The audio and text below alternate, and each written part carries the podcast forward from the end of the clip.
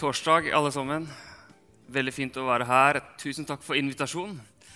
Jeg har nå bodd lenger utenfor Larvik enn i Larvik. Det gikk opp for meg i stad når jeg sto og snakka med Anders Island i gangen her, at jeg var russ 99. Så jeg har bodd nå 20 år utenfor Larvik. Og det er sikkert ti år siden jeg prekte i Larvik sist. i hvert fall nesten. Eh, så takk for invitasjonen. Hyggelig å kunne få muligheten til det igjen. Og eh, jeg har veldig mye å være takknemlig for med denne byen. Det var sånn, når jeg bodde i Larvik, så trodde jeg at i Larvik så har vi ikke noe dialekt. Her snakker vi bare liksom helt vanlig.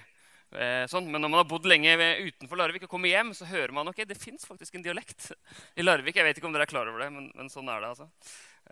og så er det hyggelig å se både kjente her og ukjente. Og så er det helt sikkert noen jeg burde ha kjent eh, igjen. Jeg får bare beklage hvis, hvis, jeg skulle ikke huske deg igjen om du kommer og hilser på. Men kom og hilse på etterpå. Eh, Temaet for den dagen og for denne talen sier seg selv, eh, og bestillingen var tydelig. Eh, noe om kjærlighet. Og det er jo et tema som er det store temaet. Og hva ellers skal man egentlig snakke om? Eh, men vi lever våre liv mens vi ofte lurer på hvem er jeg egentlig Og Så søker vi å finne svar på det, og vi hører på ulike stemmer. Og Henry Nowen nevner tre stemmer. En stemme sier kanskje 'Du er hva du gjør'.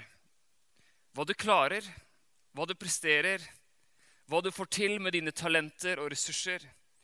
Og når vi opplever suksess og mestring, og når vi kjenner at det, eh, går bra, da er det deilig, det er godt.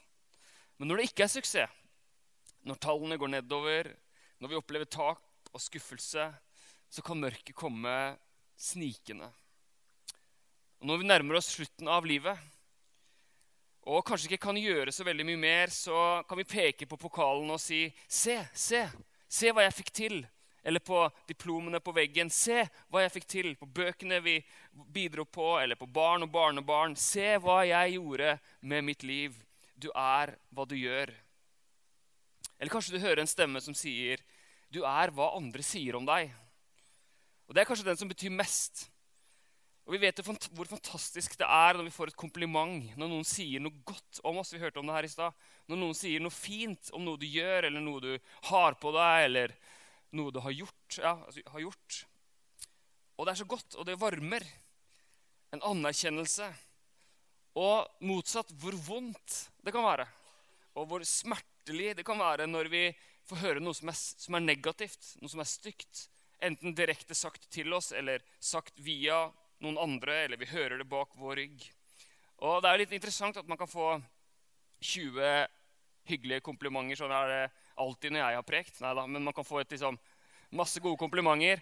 Men den ene tingen man ligger og tenker på på kvelden, det er den ene kommentaren som sa, liksom, påpekte noe som var feil, eller eh, 'Hvorfor sa du ikke det der?' eller altså Det er noe med De er det som De negative tingene er ofte som setter seg lengst inn. Hvorfor er det sånn? Du er hva du gjør. Du er hva andre sier om deg. Eller kanskje du hører den stemmen som sier 'du er hva du har'. Hva har du? Hva har du? Og Da sier du kanskje 'jeg har et norsk pass'. Det er en gullbilletten. Vi hørte om det her. Altså, Hvis man ikke har det Altså, Norsk pass folkens, det er liksom bare, det er den største gullbilletten i verden. sannsynligvis. Eller du sier 'jeg har utdanning', eller 'jeg har familie', 'jeg har foreldre', 'jeg har barn', 'jeg er gift', eller 'jeg er kanskje ikke gift', 'jeg har god helse', inntekt, stabil inntekt, 'jeg har hus eller leilighet. Men når du mister noe av det, når et familiemedlem dør, eller når jobben blir usikker, når ekteskapet ryker, ja, hva da? Ja, ja, så lenge jeg har helsa, sier folk. Ja, ja, så lenge jeg har helsa. Ja, men hva når du ikke har helsa? Vi bruker mye energi på det vi gjør, og på hva folk sier om oss og på det vi har. Og Det er viktige saker som gir livet mening og glede og innhold. Men å forankre vår verdi der, det er som å feste den til en av vognene i en berg-og-dal-bane. Og Hvis vi har vår identitet der, i hva vi har, gjør, eller hva andre sier om oss, så vil vi leite etter stadig den tingen eller den ene nye tingen som Eller den ene hendelsen som Eller den ene personen som endelig en gang for alle skal bekrefte at vi er elska. Som skal fjerne all tvil og all rastløshet og gi oss en indre ro. Så vi jobber på, og vi presterer, og vi tenker Hvis jeg bare får til det der, hvis jeg bare vinner det der, hvis jeg bare får den jobben der, hvis jeg bare drar til det stedet der, hvis jeg bare ligger med den personen der, hvis jeg bare får det der Da vil all selvtvil og selvforakt bli borte. Men det er ikke sant. Det er ikke sant. Den stemmen skal vi ikke høre på. Du er først og fremst ikke hva du gjør. Du er ikke hva folk sier om deg, og du er ikke summen av hva du har. Ved inngangen til sitt offentlige virke så ble Jesus døpt av Johannes. Og det står i teksten at det lød en røst fra himmelen. Og Jesus får høre i sin dåp Du er min sønn, den elskede. I deg har jeg min glede. Eller i deg har jeg mitt behag. Du er min sønn, den elskede. Har du hørt det noen gang? Sagt til deg. Du er min sønn, den elskede. Eller du er min datter, den elskede. I deg har jeg min glede. Har du hørt den stemmen? Du er den Gud har behag i. Men var ikke det sagt til Jesus? Jo, men jeg er sikker på at det er sant ikke bare om han, men om ethvert menneske. Jesus fikk høre det av sin far, av sin himmelske far. Og vi vet hvor mye det betyr når vi får høre det av vår far eller av vår mor. Mamma her, forresten. Gratulerer med dagen i morgen. Jeg er glad i deg. og jeg har fått høre det av min mor. Vi vet hvor mye det betyr for oss. Jesus fikk høre det før han starta på sitt oppdrag. Før han hadde gjort noe som helst. Før han begynte på sin to do-liste. Før han blir kjent. Du er min elskede. Og kan det være sånn at Fordi dette lå så dypt forankra i Jesu personlighet og i hans eh, erfaring, så kunne Jesus leve i frihet fra folks forventninger. Jeg vet ikke om du har lagt merke til det, hvor ofte Jesus skuffer folk. Han sier nei, han setter en grense, han forlater mengden, går opp i fjellet. Han helbreder ikke alle. Han, setter, han gjør stadig vekk mindre enn det man skulle forvente. egentlig. Altså, Går det an å si det om Jesus? Han gjorde veldig mye bra, men han, han setter stadig vekk grenser. Han gjør ikke det alle forventer. Han, han, han, er seg selv. Han vet hva han vil, han vet hva han skal, og han, tåler kritikk. Han sier det som er sant, selv om han får pes. Fordi at Ja, men jeg vet jo hvem jeg er. Jeg er den elskede.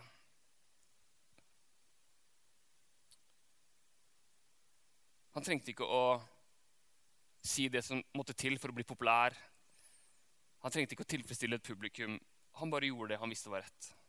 Ut fra den dype identiteten om at jeg er den elskede. Hva er det som er mest sant om et menneske? Hva er det som er det mest sanne om ethvert menneske?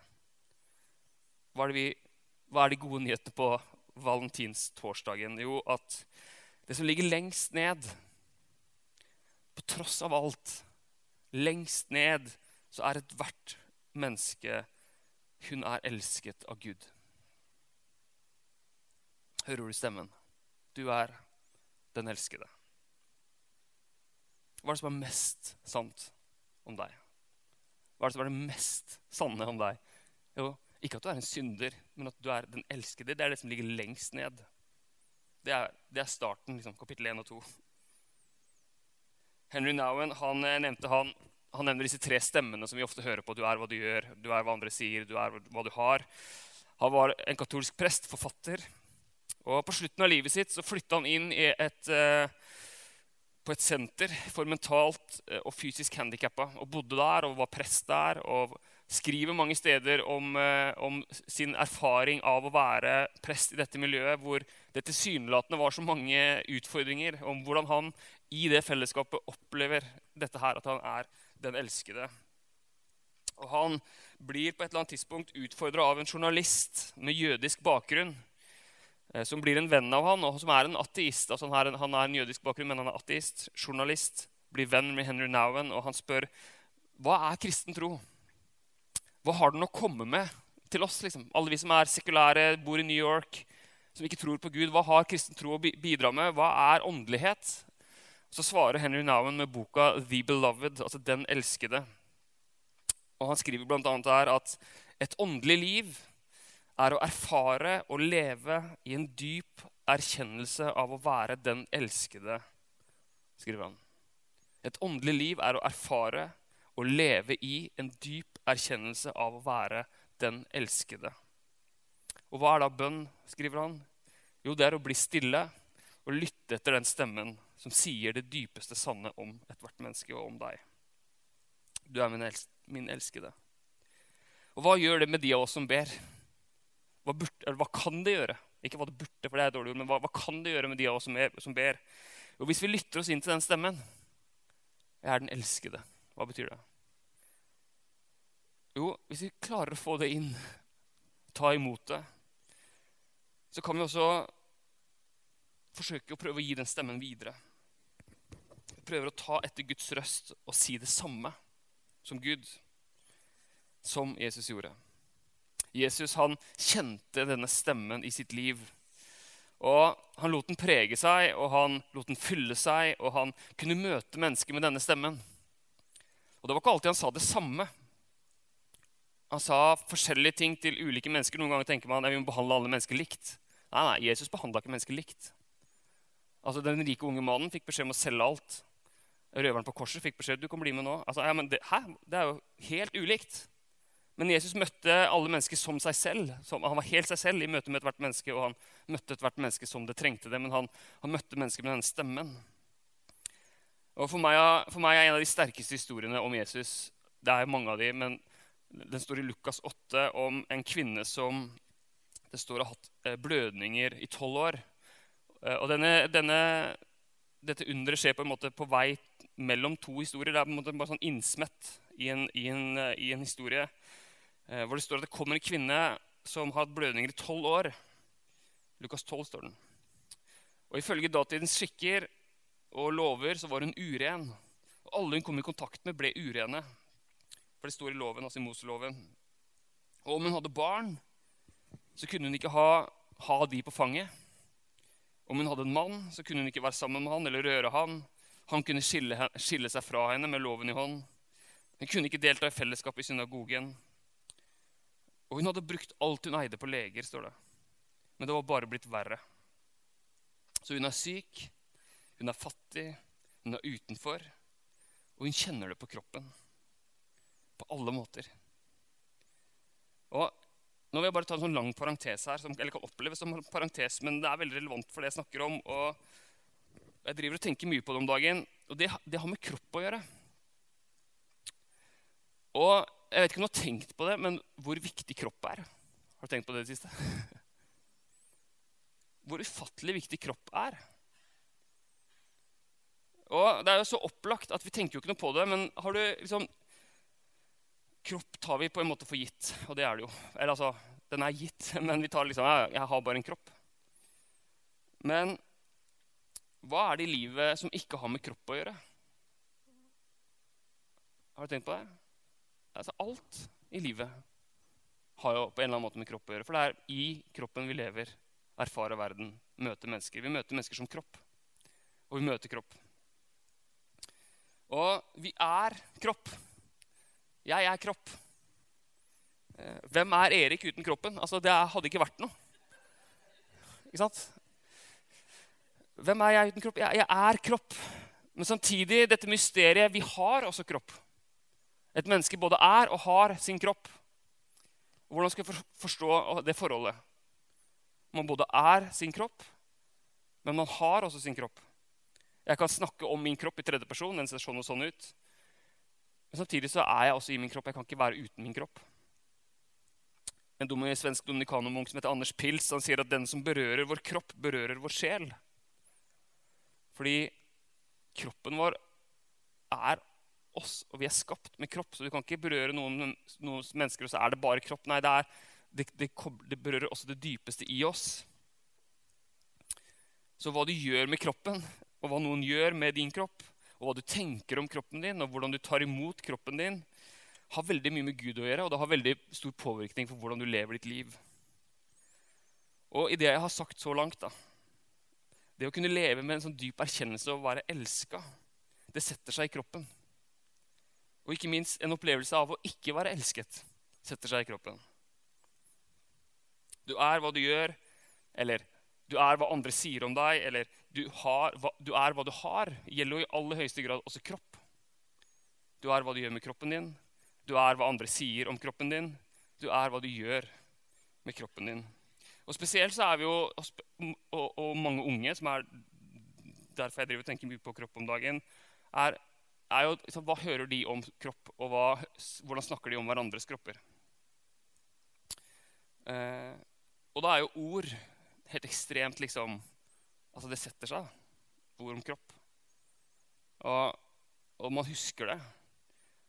Og jeg sånn, Bare sånn, si, en parentes i parentesen. Jeg er jo inne i en lang parentes her nå.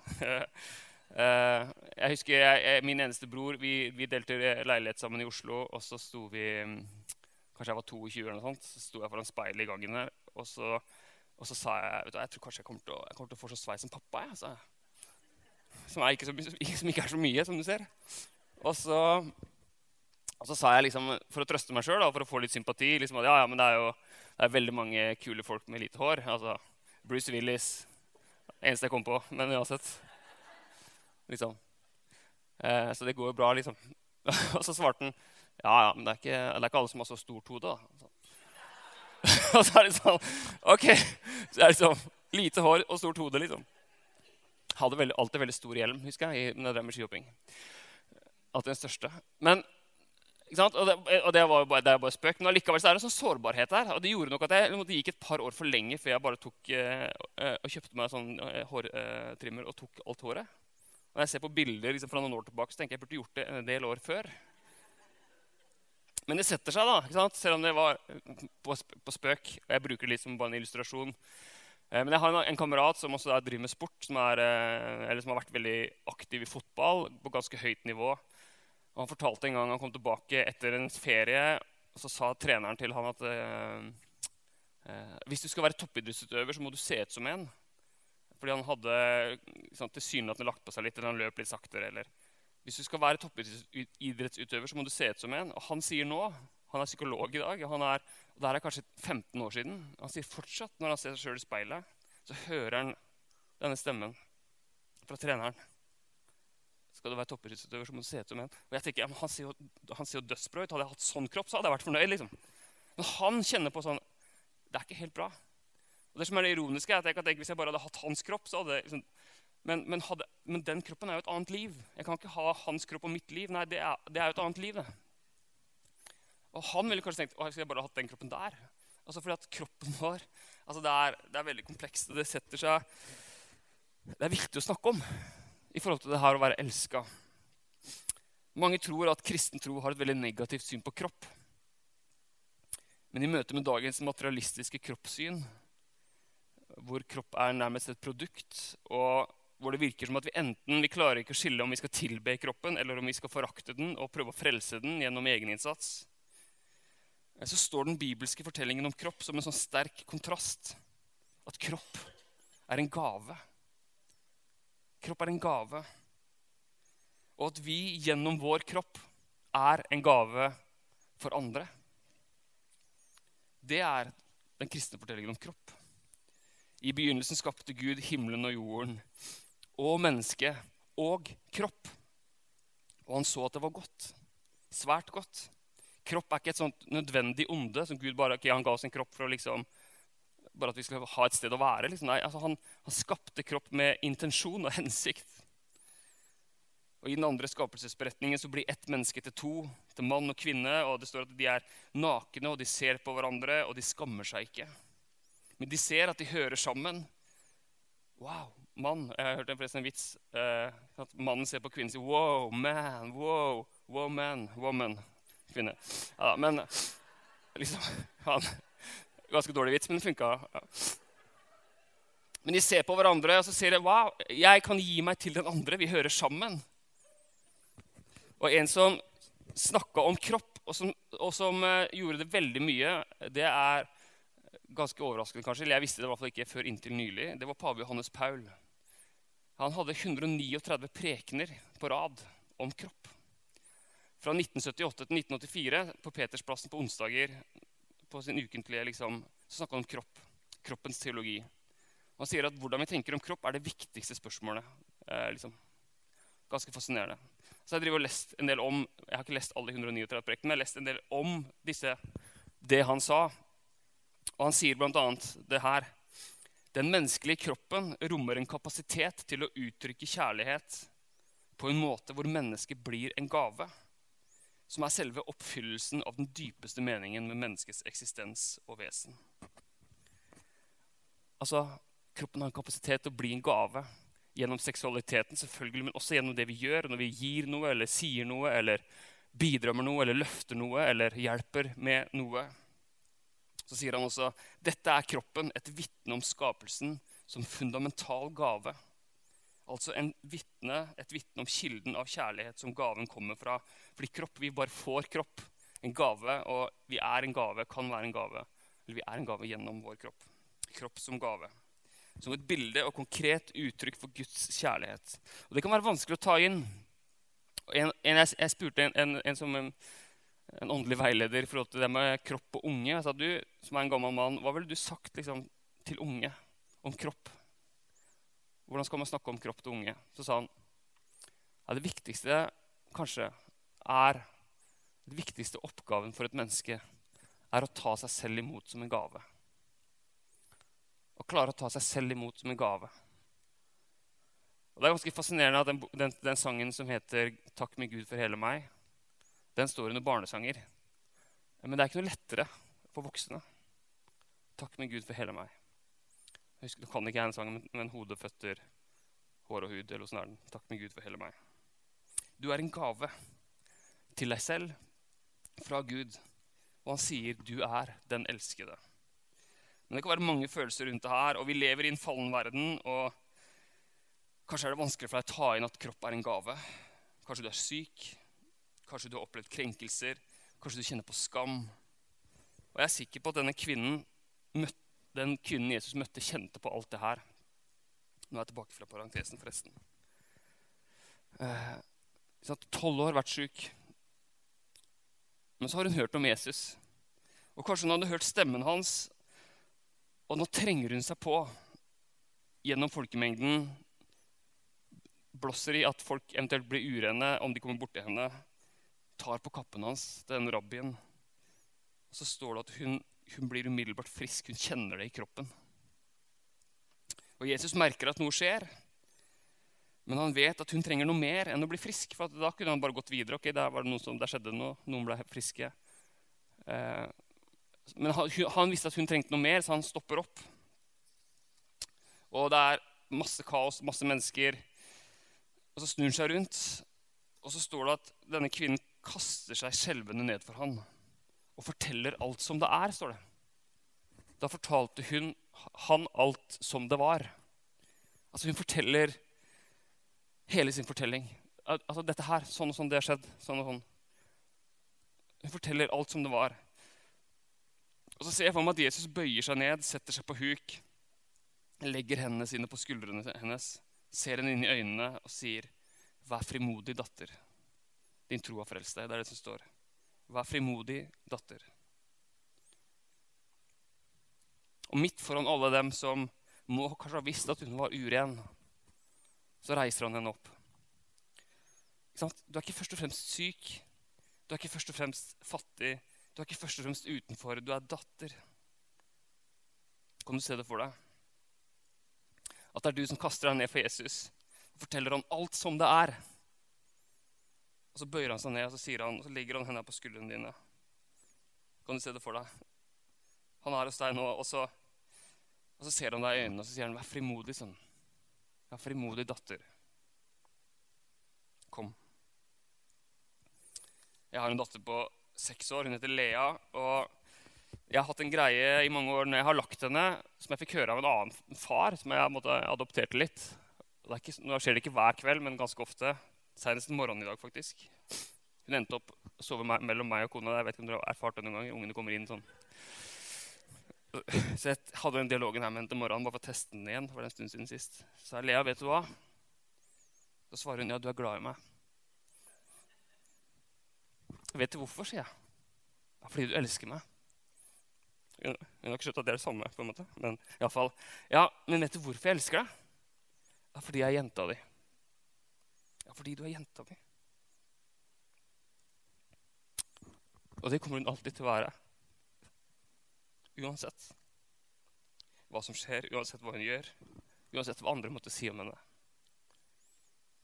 Du vil alltid være jenta mi. Og Noen ganger når jeg sier 'Lea, jeg er glad i deg', så svarer hun 'Ja, det vet jeg. Det sier du alltid'. Men det er jo ikke sant. For noen ganger sier jeg 'Lea' med et helt annet tonefall. Eh, noen ganger, ganske ofte, eller noen ganger så må jeg si hele navnet hennes. Lea Elisabeth Andreassen. Oppkalt etter sin mor, eh, farmor. Og da vet hun at det er alvor, og så bryr hun seg ikke i det hele tatt.